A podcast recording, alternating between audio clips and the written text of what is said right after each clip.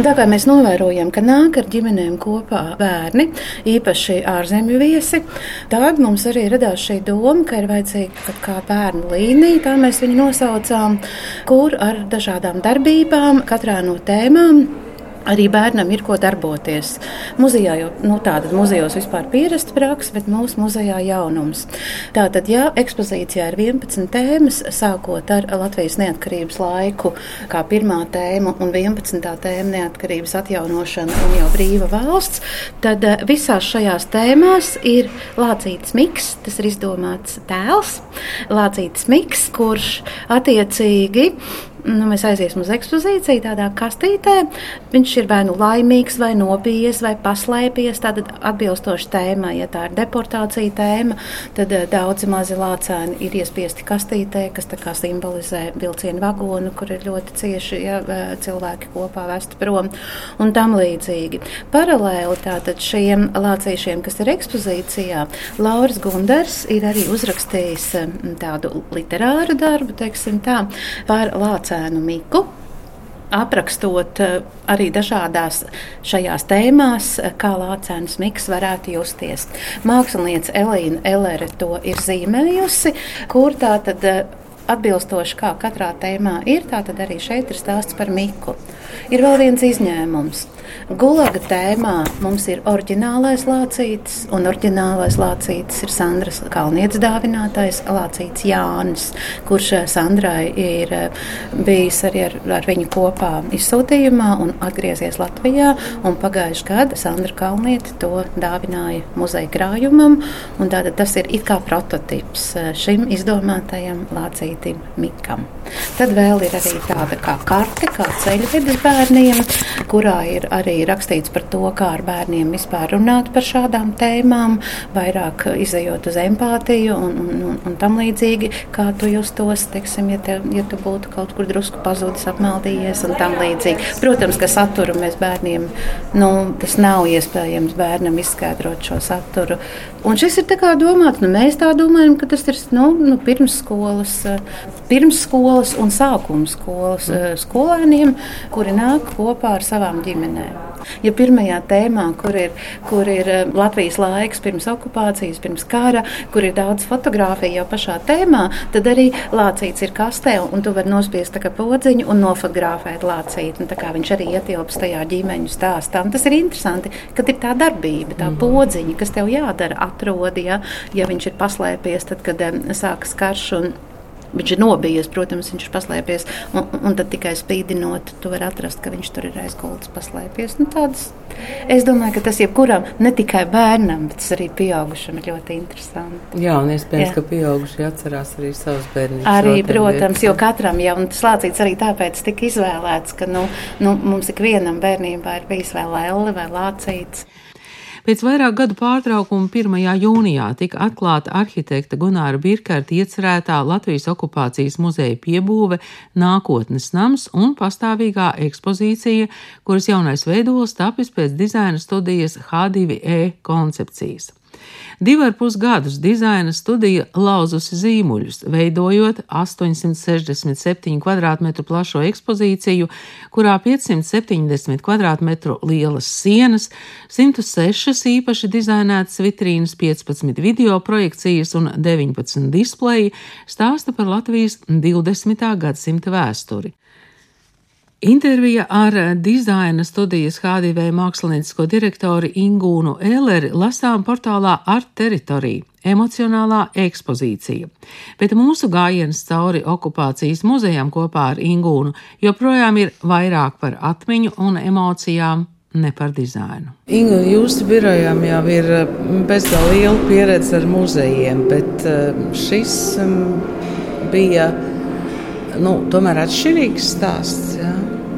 Noteikti. Šis ir ļoti, manuprāt, būtisks stāsts gan katram personiski, gan kopumā katram mm. Latvijas iedzīvotājam. Un ne tikai Latvijas iedzīvotājiem. Un šī, man liekas, ir tāda tēma, tēma, par kuru ir ļoti būtiski runāt. Un runāt eh, skaidri, drosmīgi, eh, saprotami un izprotami. Kas veidojas okupācijas muzeja saturisko daļu un cik daudz vēl palicis krājumā, cik svarīgi cilvēkiem izlasīt un uzzināt par savējiem, pazudušajiem, pazaudētajiem, bet neaizmirstajiem.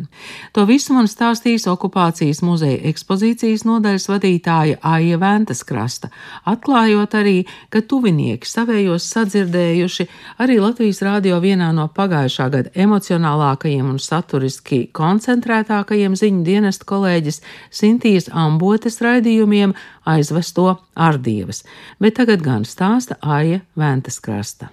Mums krājumā ir vairāk kā 70 tūkstoši priekšmeti, un, manuprāt, ekspozīcijā mums ir vairāk simti. Tā, tā ir neliela daļa, ko mēs varam parādīt eh, no krājuma materiāliem, priekšmetiskais materiāls.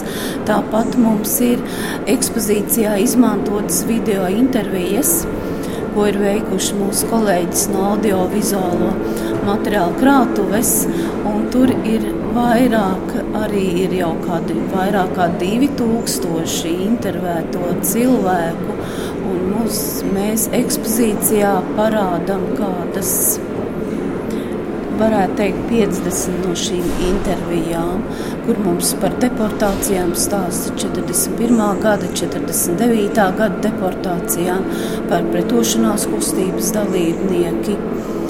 Un mums ir video liecības, cilvēki stāsta par savu. Nu, par savu ieslodzījumu Gulaga nometnēs tas ir arī jau no 1940. gadiem.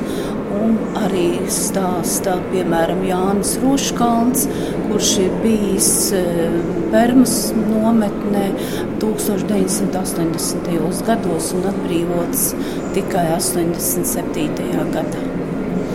Kādā veidā šie priekšmeti un šīs liecības nonāk muzejā? Es pieļauju, ka E, jūsu muzejā šie ceļi ir varbūt atšķirīgi nekā mākslas muzejos, e, nekā vispārīgās vēstures muzejos. Muzejs ar pirmo tādu ekspozīciju e, tika atklāts 1993. gada jūnijā. Un pirmā muzejam nodotā, nodotais materiāls ir Ojāra Medņa trīs burtnīcas par viņa ģimenes deportāciju. Cilvēki, cilvēki nāk, dāvina muzejām nu, šīs savas ģimenes liecības, ģimenes relikvijas, ģimenes piemiņas lietas.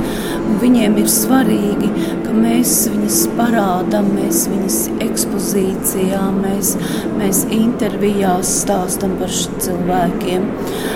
Nu, bet video intervijas eh, cilvēki, mūsu kolēģi, sarunā video intervijas, brauc intervē pie cilvēkiem uz mājām. Stāstīja Aija Ventaskrasta, kura vēlāk vedīs parādīt arī dažus ļoti svarīgus artefaktus, bet tagad viens no aizvesto stāstiem 1941. gadā. Nelielus saburzītus un steigā uzrakstītus papīra gabalus deportētie visticamāk no vilciena met ārā kādu gabalu no izsūtīšanas stacijas, bet vēl pilsētas teritorijā vai apdzīvotā vietā.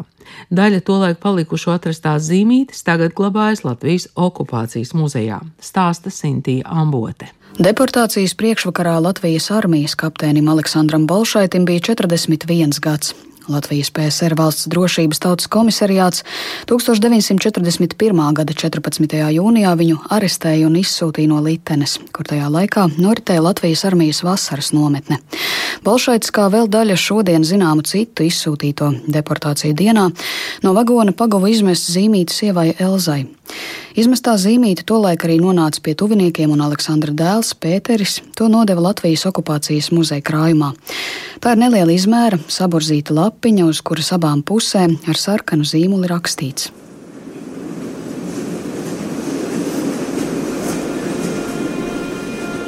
Ļoti lūdzu informēt arī manu sievu. Mans stāvoklis tāds pats kā Alfredam. Pēkšņa kratīšana. Spieda mani, manu vēstuli iznīcināt palika vienīgi pulksteņi. Es palaižos uz viņu bērnu audzināšanas ziņā. lai viņa ir stipra. Sūta viņai, bērniem un visiem tuviniekiem vissirsnīgākos sveicienus un novēlējumus. Domās būšu vienmēr pie viņiem. Balšaitis. Adrese Rīgā, Stabila 18, dzīvoklis 10. Telefons 90 800. No Latvijas izsūtīto personu lietas un krimināllietas apkopotas Latvijas valsts arhīvu fondos. Aleksandra Bolšaita izsūtīšanas lietas un krimināllietas dokumentos atrodamas šādas ziņas. Tautība latvietis, dzimis 1900. gadā Jelgavā, vidējā izglītība, beidzis gimnāziju un vēlāk kara skolu jātnieku nodaļu. Nav iepriekš tiesāts, bezparteisks, precējies. Aleksandram bija ģimene, sieva Elza un divi bērni, tolaik četrgadīgais Pēters un astoņgadīgā Ileāne. Viņa nejaušas sakritības dēļ liktenīgajā naktī nebija mājās. Pirms aresta Aleksandrs ar ģimeni dzīvoja Rīgā Stabu ielā 18, dienai Latvijas armijā, gluži kā lielākajai daļai izsūtīto PSRS iekšlietu tautas komisariāta sevišķās apspriedes lēmumā par Aleksandra arestu ierakstītas standarta apsūdzības vai izvešanas iemesla frāze par naidīgu attieksmi pret padomju varu un tās darbībām, jo iepriekš Bolšaitis piedalījās kaujās pret sarkano armiju. Tāpat lietas dokumentos viņš nodēvēts par Baltās gvardas pārstāvju jeb Baltgvardu. Kā tolaik sauca visus pretlīnieciskos spēkus. To padomju represīvās iestādes automātiski uzskatīja par pamatu arestam un izsūtīšanai. Aleksandru Bolšaiti nelikumīgi notiesāja ar brīvības atņemšanu uz desmit gadiem un tiesību atņemšanu. Viņu izsūtīja uz Norilskas nometni Krasnojarskas novadā, kur ieslodzītajiem lika būvēt metālurģisko kombinātu un strādāt varu niķeļa raktuvēs.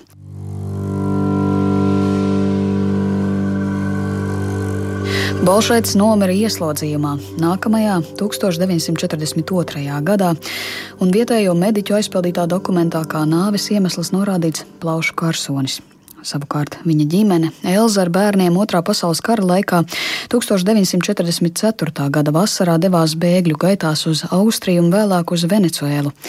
Baidoties no atkārtotām represijām, aptuveni 180 tūkstoši cilvēku šajā laikā bēga uz Eiropu un tālāk uz citām rietumu valstīm. Nereti veidojās situācija, kad daļa ģimenes atradās izsūtījumā, daļa Latvijā un vēl viena daļa trimdā rietumos. Jāpiebilst, ka represētā Aleksandra dēls Pēteris Latvijā uz dzīvi atgriezās 90. gados un ir bijis Latvijas okupācijas muzeja biedrības priekšsēdis. Tās bija tikai vienas ardievas, bet mūsu gājiens cauri muzejam kopā ar dizaineru Ingūnu Elēru turpinās. Ekspozīcijas dizaina pamatā ir Gunāra Birkerta tumsas un gaismas metafora, kuru studija īstenojusi kā tumsas labirintu, caur kuru ved gaismas pavadienas. Mūsu izējas punkts ir eh, saturs, kur ir radījis muzejs, un tad kā mēs savukārt ar saviem dizaina instrumentiem, skaņu, gaismu, burtveidolu, kompozīciju, formu tektoniku, šo te pieredzes dizainu nododam stāstu apmeklētājiem, skatītājiem un nododam konkrētajās telpās, konkrētajos kvadrātmetros. Tā kā jums ir eh, daudzi tie lielumi, kas ir doti, nu, jā. Eh, kuru ietvarā jums ir jāstrādā. Protams, ja? protams jo šī ir arī tāda mm, objektos bāzēta ekspozīcija. Ir ārkārtīgi daudz objekti, kā pierādījumi, eksponāti ap tūkstots, ļoti daudz liecības, kurš šeit ir viena no lielākajām šo digitālo liecību kolekcijām Eiropā.